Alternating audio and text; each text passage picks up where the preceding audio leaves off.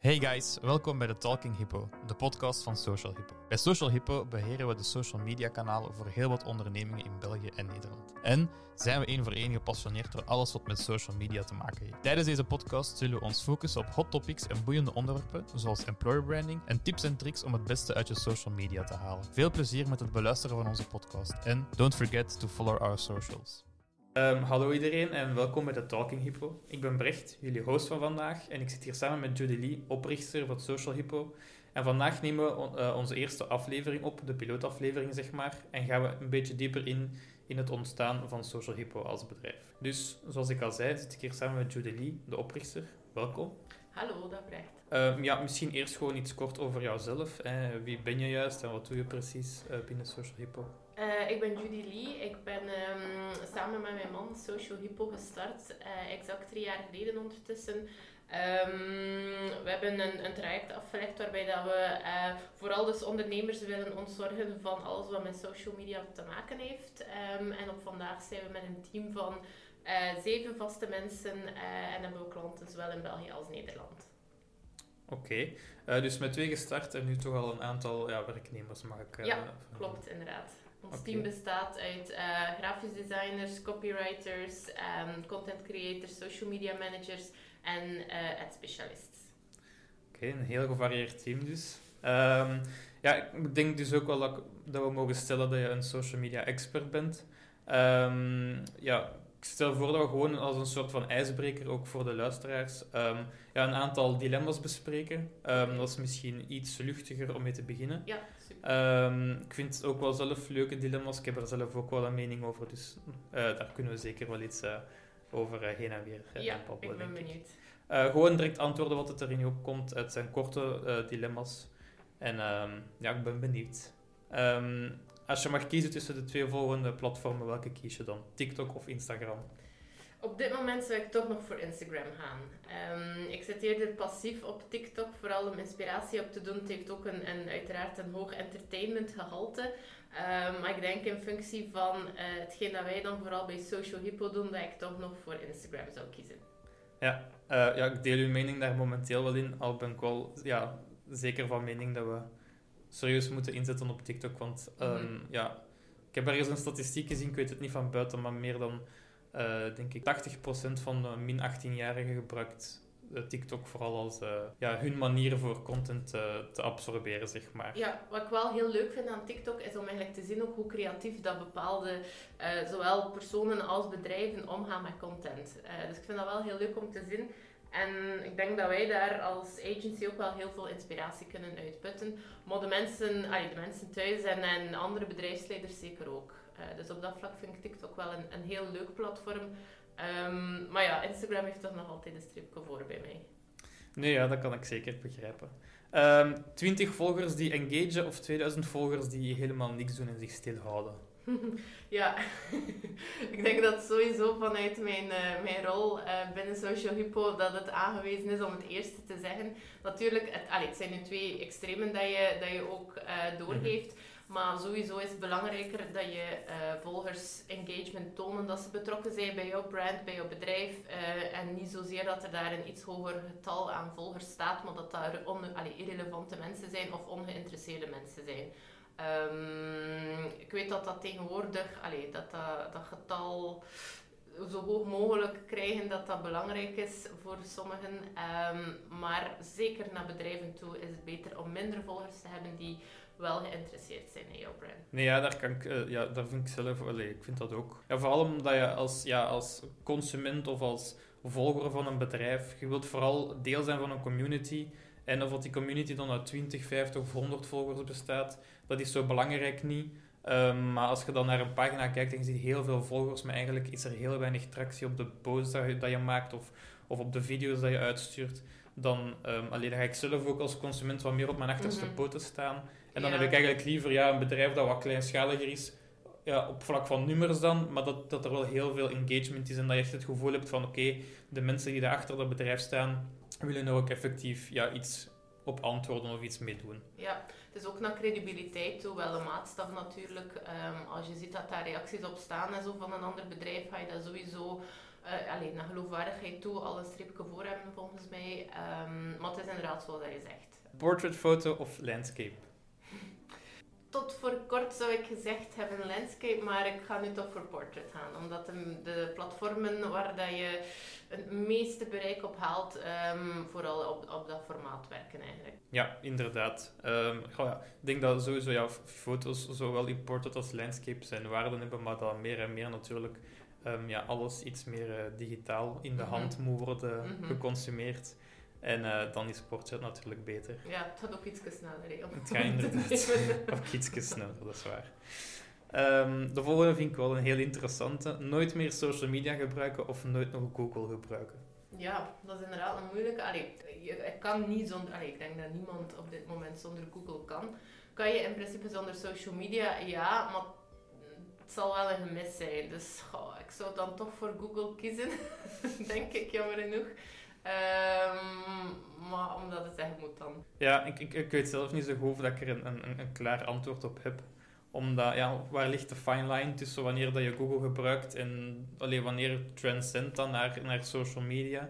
Als je dan enkel nog Google ja, kunt gebruiken, ja, gaat je dan iets anders zoeken om te communiceren met mensen die dat je via social media mm -hmm. zou bereiken? Maar zet je dan zelf eigenlijk weer een soort van social media gewijs platform aan het creëren? Ja, wie weet. Um, dus ik vind dat een hele moeilijke, maar ja, ik ben zelf nogal, ik hang nogal vast aan mijn gsm en aan social media, dus ik denk ook niet dat ik zonder social media mm, zou kunnen.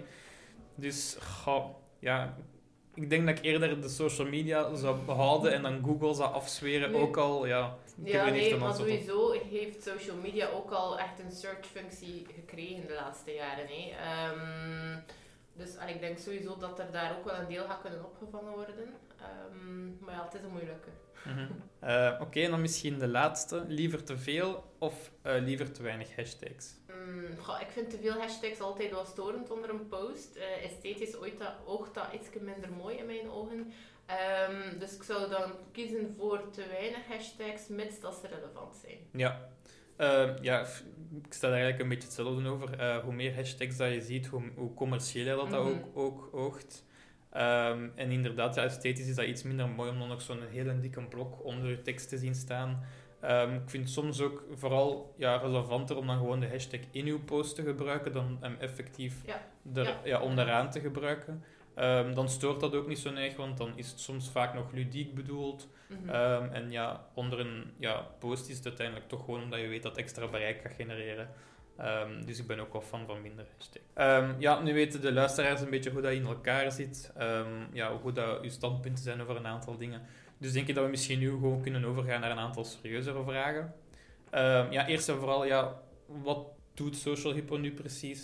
Uh, waarvoor kunnen mensen bij Social Hippo terecht? Um, wij zijn een social media agency. Uh, dus wij beheren eigenlijk social media van A tot Z voor bedrijven die er zelf niet genoeg tijd of gewoonweg niet genoeg kennis of inspiratie voor hebben. Um, en dat gaat van alle soorten platformen die er zijn op socials tegenwoordig: Facebook, Instagram, LinkedIn, Twitter uh, enzovoort.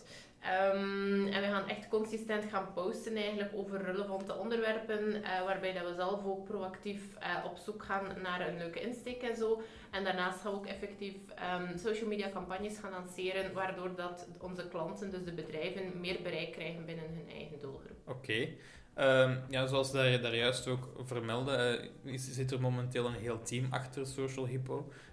ja, zou je misschien een keer kunnen omschrijven hoe dat een dag van zo'n werknemer er momenteel uitziet? Um, ja, op zich sowieso. Allee, wij zijn een start-up, uh, dus elke dag ziet er anders uit. Uh, ik denk niet dat we daar echt zo'n standaard uh, workflow op kunnen kleven. Uh, zeker allee, binnen het landschap van social media gebeuren er soms onverwachte zaken of uh, er is iets gaande in het bedrijf en dan willen ze natuurlijk kort op de bal een post. Wij werken eh, met een, een semi-geautomatiseerd systeem waardoor dat we iets efficiënter kunnen werken dan, dan misschien andere agencies. En dat geeft ons ook de mogelijkheid om dan meer ad hoc te gaan werken. Dus meer sneller posts te leveren, stories die, die is, de dag zelf nog online moeten, dat kan allemaal bij ons. En ik denk dat een, een gemiddelde dag um, ja, start sowieso met een lekkere koffie, denk ik, voor iedereen. Uh, waarna dat ze eigenlijk ook elk hun eigen klanten een beetje uh, beheren eigenlijk en effectief voor, voor gaan schrijven volgens het, uh, het contentplan dat onze social media manager, die hij zelf Brecht dan, heeft Klopt. opgesteld voor hen. De ene begint al vaak met, met het visuele, dus met een afbeelding of een video op te maken, terwijl dat de andere liever eerst de tekst schrijft. Dus het is niet zo dat we daar echt iets, iets vast qua stramien kunnen op plakken. Um, maar ja, ik denk dat het vooral hun doelstelling is om zo kwalitatief mogelijk alle posts af te werken op een zo kort mogelijke tijd. Ja, um, ik denk dat, ja, ik kan daarvan meespreken dat het hier inderdaad elke dag wat anders is. Um, wat ik zelf ook heel leuk vind natuurlijk, dat, dat zorgt ervoor dat het gevarieerd blijft en dat het nooit ja, mm -hmm. ja, eentonig of, of, of, of, of saai wordt, zeg maar. Um, ik denk dat het ook allee, handig is voor zowel mij als, als, als voor de collega's Um, dat iedereen wel een beetje die vrijheid krijgt om, om zijn dag zelf in te delen. Um, daardoor kun je ook beter inspelen op ieders uh, sterktes. En ja, de ene is, is iets beter s ochtends in het schrijven van de copy of in het maken van de visuals. Um, ik voel dat zelf ook. Soms begin ik een ochtend heel productief uh, met iets waar dat ik misschien de, de avond ervoor ja, heel veel tijd aan verloren ben. dus ik denk dat dat zeker... Uh, allee, ik vind dat een groot pluspunt dat, dat die vrijheid hier is. Ja, wat hij ook zeker niet mag, um, vergeten is dat we ook in een, een, creatieve sector zitten, waarbij dat het ja, niet vanzelfsprekend is dat die creativiteit 24 op 7 uit je vloeit. Dus het is, het is ook heel belangrijk dat we af en toe eens een stapje terugnemen en dat iedereen op zijn eigen tempo kan werken volgens dat het allez, hem of haar um, een beetje, beetje lukt op dat moment, denk ik. Nee, ja, dat, dat klopt zeker. Creativiteit is niet een switch dat je aan en afzet. Um, dat komt of dat komt niet. Mm -hmm. um, dus ja, de ene dag is productiever dan ja. de andere, maar de andere dag is dan misschien net iets leuker, omdat je wat meer wisselwerking hebt met je, met je uh, collega's, zeg maar. Ja. En dat is dan misschien stof voor de dag daarna om weer creatief over te zijn. Dus uh, allee, het uh, beïnvloedt elkaar een beetje en het kan zeker geen kwaad, denk ik dat die diepjes en die highs er soms zijn.